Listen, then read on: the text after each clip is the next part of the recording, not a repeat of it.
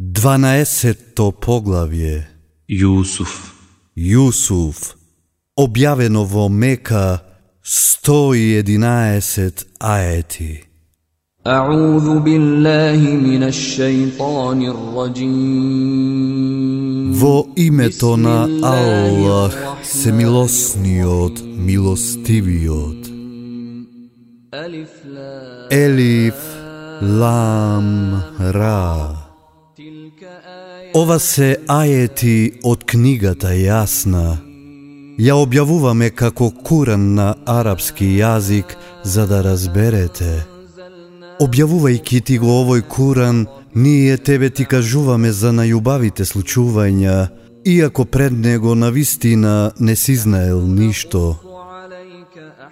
Кога Јусуф му рече на својот татко, О, татко мој, сонував 11 звезди, и сонцето и месечината, и во сонот ги видов како ми се поклонија. Тој рече, О, синко мој, не им го кажувај својот сон на браќата, за да не ти напакостат, шејтанот му е навистина отворен непријател на човекот. И ете така, Господарот твој тебе ке те одбере, и за толкување на соништата ке те научи, и благодатта своја кон тебе и Јакубовото семејство ке ја надополни, како што предходно ја надополни на предците твои, на Ибрахим и на Исхак. Господарот твој на вистина е мудар. Кај Јусуф и кај браќата негови се наоѓаат поуки за сите што се распрашуваат. Кога тие рекоа, Јусуф и братот негов му се помили на нашиот татко од нас, а ние сме цела група. Нашиот татко очигледно греши. Убијте го Јусуф или оставете го во некој предел, таткови потоа вам ке ви се посвети и потоа добри луѓе ке бидете. Еден од нив рече, Ако навистина сакате нешто да сторите, тогаш не го убивајте Јусуф, туку фрлете го на дното на некој бунар, ке го земе некој караван. О, татко наш, рекоа тие, зошто не ни го довериш Јусуф? Ние на вистина му посакуваме добро. Испрати го утре со нас да се забавува и да се разоноди, ние сигурно ке го чуваме. На вистина ке ми биде жал ако го однесете, а се плашам да не го изеде волк кога вие нема да внимавате на него, рече Јакуб. Како ке го изеде волк, а ние сме група, рекоа тие, ние тогаш на вистина би биле изгубени. И кога го однесоа и одлучија да го фрлат на дното на бунарот, ние му објавивме. Ти за оваа постапка нивна ќе ги известиш, а тие нема да те препознаат. И навечер, плачејќи, му дојдоа на својот татко. О, татко наш, рекоа, заминавме да се надпреваруваме, а Јусуф го оставивме кај нашите работи, па го изеде волк. А ти нема да ни веруваш, иако вистината ти ја говориме. И ја донесоа кошулата негова со лажна крв натопена. Во вашите души изникна злобна мисла, рече тој, и јас нема да се жалам, барам помош од Аллах против ова што вие го изнесувате. И дојде еден караван, па го испратија водоносецот свој, и тој ја спушти кофата своја. Види среќа, викна тој, еве едно момче. И тие како трговска стока го скрија, а Аллах добро го знаеше тоа што го направија. И го продадоа за ефтина цена, за неколку гроша. Едвај чека да се ослободат од него. И потоа тој од Египет, што го купи и кажа на жената своја, направи му го престојот пријатен, може корисен да ни биде, а можеме и да го посиниме. И ете така ние на Јусуф му дадовме убаво место на земјата и го научивме да толкува соништа, а Аллах прави што сака, но повеќето луѓе не знаат. И кога тој порасна, ние со мудрост и со знаење го обдаривме, така ние ги наградуваме тие што прават добри дела. И почна да го наведува на грев таа во чија куќа беше тој, па ги заклучи сите врати и рече Приди, Аллах да ме сочува, извика тој. Газдата мој убаво се грижи за мене, а тие кои доброто ке го возвратат со зло, никогаш нема да успеат.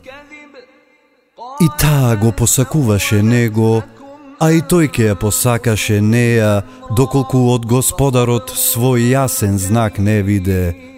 Така беше, за да ги одвратиме од него злото и блудот, бидејќи тој на вистина беше наш искрен роб.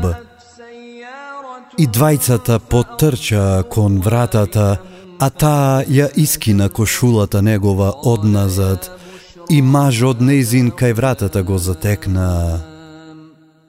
Каква казна заслужува тој што сакаше на твојата жена зло да и направи, рече таа, или зандана, или болна казна.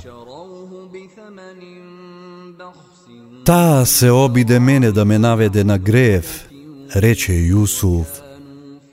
Ако кошулата негова е искината од предната страна, тогаш таа ја говори вистината, а тој невистината, посведочи еден човек од нејзиното семејство. А ако кошулата негова е искината од задната страна, тогаш таа лаже, а тој ја говори вистината. И кога тој виде дека кошулата негова е искината од задната страна, рече Тоа е една од вашите интриги. Вашите интриги се на вистина големи. Ти, Јусуф, остави го ова, а ти барај прошка за својот грев, затоа што на вистина беше грешничка. И жените во градот почна да зборуваат. Жената на управникот го навела момчето на грев, во него лудо се загледала. Ние мислиме дека на вистина греши. И кога таа слушна за нивното озборување, ги повика, па им подготви гозба, на секоја од нив и даде нож и рече Излези пред него. А кога тие го погледаа, се восхитија на неговата убавина и по рацете своји се исекоа. Боже, Боже, извикна, ова не е човек, ова е благороден мелек. Е, ова ви е тој поради кого ме прекорувавте, рече таа. Вистина е дека сакав да го наведам на греев, но тој ме одби. Ако не го направи тоа што го барам од него, сигурно ќе биде фрлен во зандана и понижен. Господару мој, изговори тој, помил ми е затворот од тоа кон што тие ме наведуваат. И ако ти не ги одвратиш од мене интригите нивни, јас можам кон нив наклоност да почувствувам и незналец да станам. И господарот негов ја исполни молбата негова и го спаси од интригите нивни. Тој на вистина се слуша и се знае. Потоа им падна на памет, иако беа уверени дека е невин, за некое време да го фрлат во зандана. Со него во зандана влегоа уште две момчиња. Јас сонував дека цедам грозје, рече еден од нив. А јас пак, кажа другиот, дека на главата носам леп кој птиците го колваат. Протолкувај ни го тоа, бидејќи гледаме дека си навистина добар човек. Ниту еден оброк со храна нема да ви биде донесен, а јас предходно да не ви кажам што ќе добиете, рече Јусуф. Тоа е само дел од тоа што ме научи Господарот мој, Јас се чувам од верата на народот кој не верува во Аллах и кој не го признава оној свет – и ја исповедам верата на предците своји, Ибрахим, Исхак и Јакуб. На нас не ни доликува на Аллах да му припишуваме здруженик. Тоа е милоста на Аллах кон нас и кон останатите луѓе, но повеќето луѓе не се благодарни. О, пријатели мои од Занданава, дали се подобри разноразните богови или Аллах единиот и семоќниот? Тие кои наместо него ги обожувате, се само имиња кои сте им ги дале вие и предците ваши.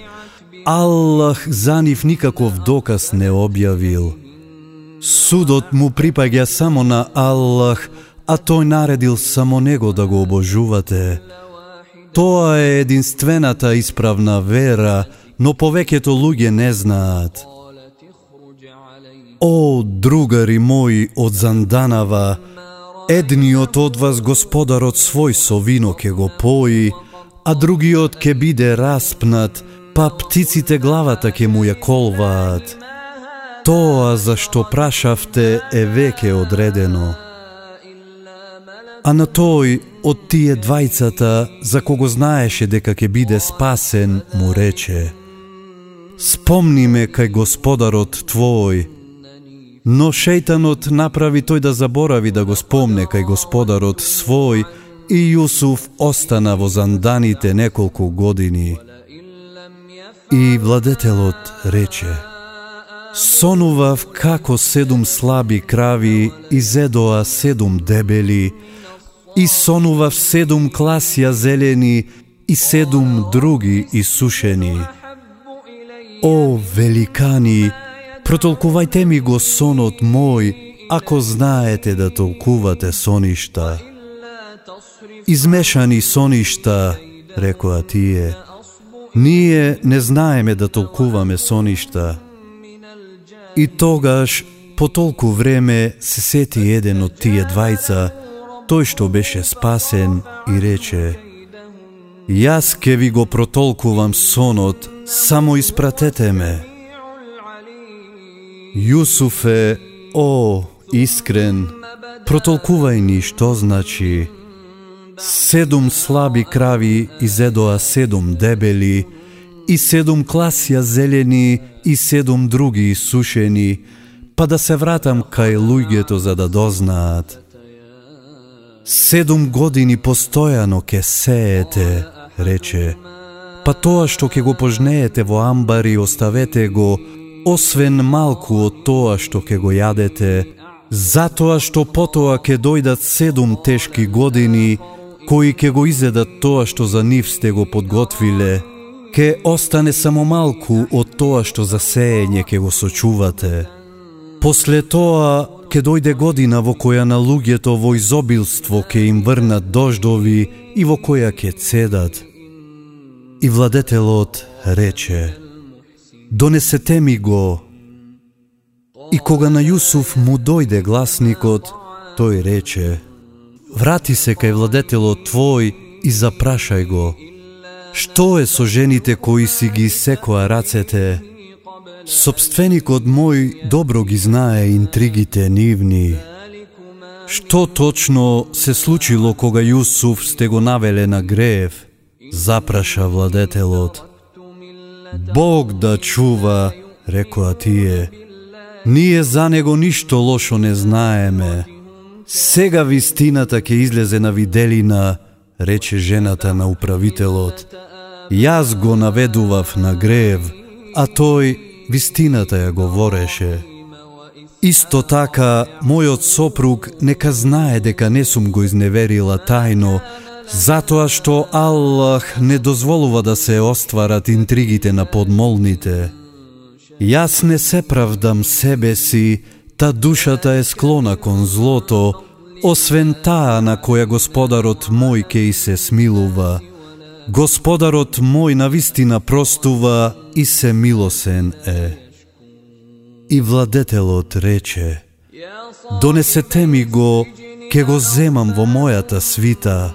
И откако поразговара со него, му рече, Ти од денес кај нас влијателен и доверлив ке бидеш.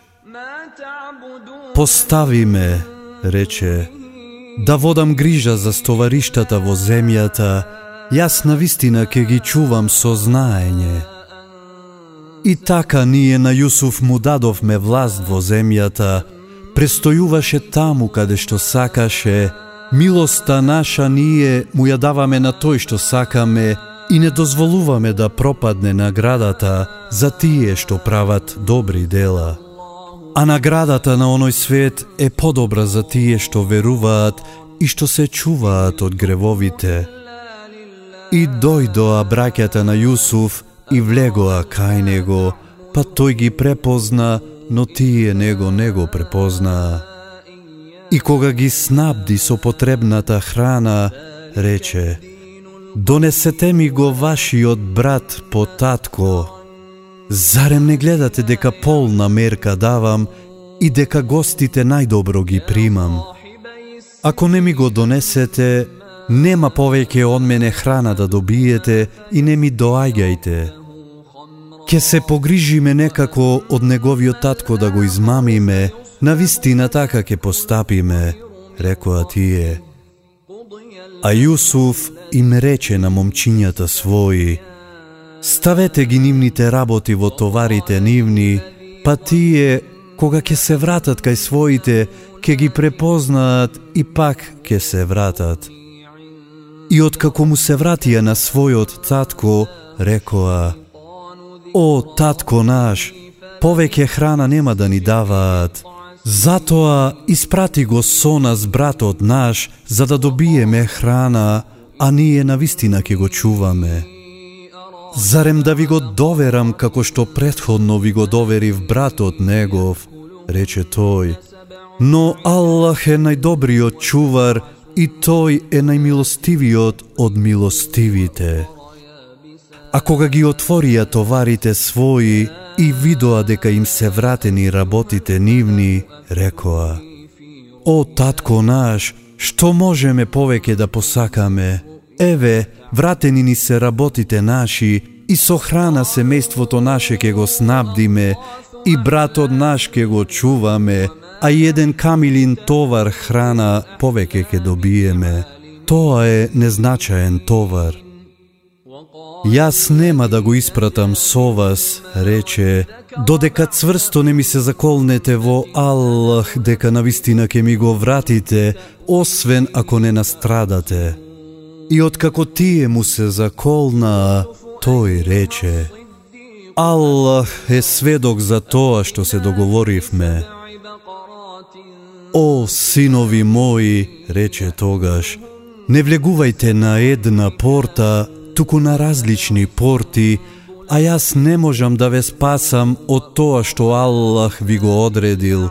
Власта му припаѓа само нему, јас во него имам доверба и само во него нека имаат доверба тие што се доверуваат.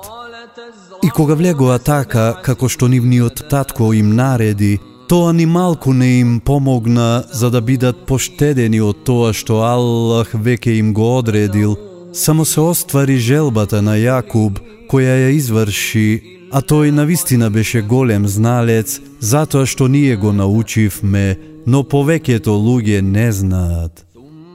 И кога излегоа пред Јусуф, тој го прегарна братот свој наградите и рече Јас сум твојот брат и не тагувај поради тоа што тие го направија.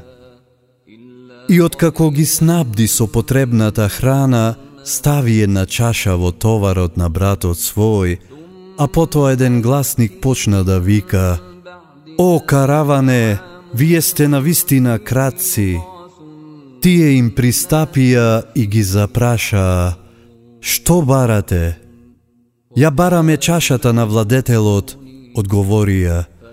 Кој ќе ја донесе, ќе добие камилин товар храна, јас гарантирам за тоа. Се колнеме во Аллах, рекоа тие, Вие знаете дека ние не дојдовме да правиме неред на земјата и ние не сме кратци. А каква е казната ако не ја зборувате вистината? Запраша. Казната за тој во чиј што товар ке се најде чашата е самиот тој, одговорија. Ете така ние ги казнуваме неправедните. И тој започна со вреките нивни, пред вреќата на братот свој, а потоа ја извади чашата од вреќата на својот брат. Ние го подучивме Јусуф така да ја изведе из мамата. Тој според законот на владетелот не можеше да го земе својот брат како роб, но можеше со дозвола од Аллах. Ние го воздигнуваме тој кого ние сакаме, а над секој зналец е сезнајниот. Ако украл, рекоа тие, па и предходно братот негов крадеше. И Јусуф не им рече ништо. Вие сте во полоша положба, си помисли во себе. Аллах добро знае како беше тоа за што зборувате. О, управнику, рекоа тие, тој има многу стар татко, Па земи еден од нас наместо него, ние гледаме дека си добар човек. Чувај Боже, рече, да земе некој друг наместо тој кај кого го најдовме нашиот предмет, тогаш на вистина би биле неправедни. И кога изгубија секаква надеж, се одвоија настрана за да се посоветуваат. Зарем не знаете, рече најстариот Мегјунив, дека на својот татко му се заколнавте во Аллах, а и предходно Јусуф го упропастивте. Нема да ја напуштам оваа земја додека тоа мојот татко не ми го дозволи или додека Аллах во моја корист не пресуди, а тој е најдобриот судија. Вратете му се на својот татко и кажете му О татко наш, синот твој украде Ние го тврдиме само тоа што го видовме А ние не можевме да се сочуваме од тоа што беше судено. Прашај во градот во кој престојувавме и карванот со кој дојдовме. Ние на вистина ја зборуваме вистината. Не е така, рече Јакуб. Во вашите души изникна злобна мисла и јас нема да се жалам, се надевам дека Аллах се ке ми врати. На вистина тој знае се и мудар е. И се сврте од нив и рече О, Јусуфе, таго моја, а очите му побелеа од жал, беше многу потиштен. Се колнеме во Аллах, рекоа тие, ти толку го спомнуваш Јусуф, што тешко ке се разболиш или ке умреш. ја стагата своја и жалта своја пред Аллах ги изнесувам, а од Аллах го знам тоа што вие не го знаете, рече тој. О, синови мои, Одете и распрашајте се за Јусуф и за братот негов. И не губете надеж во Аллаховата милост. Надешта во Аллаховата милост ја губи само народот невернички. И кога тие влегоа кај него, рекоа, О, управителу, нас и семејствата наши не снајде неволја, Донесовме мало количество вредни работи, но ти дај ни полна мерка и додели ни милостина, затоа што Аллах навистина ги наградува тие што даваат милостина. А знаете ли, запраша тој, што направивте непромислено со Јусуф и со братот негов? А ти да не си Јусуф, повикаа тие. Да, јас сум Јусуф, а ова е братот мој. Аллах ни ја подари милоста. Кој ќе се плаши од Аллах и кој ќе биде трпелив, па Аллах на вистина нема да допушти да пропадне наградата на тие што прават добри дела. Се колнеме во Аллах, рекоа тие, Аллах над нас те воздигна, а ние на вистина сгрешивме. Јас сега нема да ве прекорувам, рече, Аллах ке ви прости, Тој е најмилостивиот од милостивите. Оваа кошула однесете ја и на лицето на мојот татко ставете ја и тој ќе прогледа и целото свое семејство донесете ми го. И кога карванот го напушти Египет, неговиот татко рече Јас на вистина го чувствувам мирисот на Јусуф, само немојте да кажете дека сум станал сенилен. Се колнеме во Аллах, рекоа тие, ти и сега како и порано грешиш. А кога гласникот на радосни вести дојде, тој ја стави кошулата на лицето негово и тој прогледа. Зарем не ви реков, рече, дека и јас го знам од Аллах тоа што вие не го знаете. О, татко наш, рекоа тие, замоли да ни се простат гревовите, ние на вистина сгрешивме.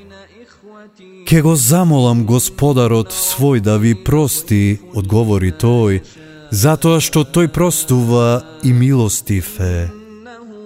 И кога излегоа пред Јусуф, тој ги прегарна родителите своји и рече Населете се во Египет од секој страф ако Аллах сака ослободени.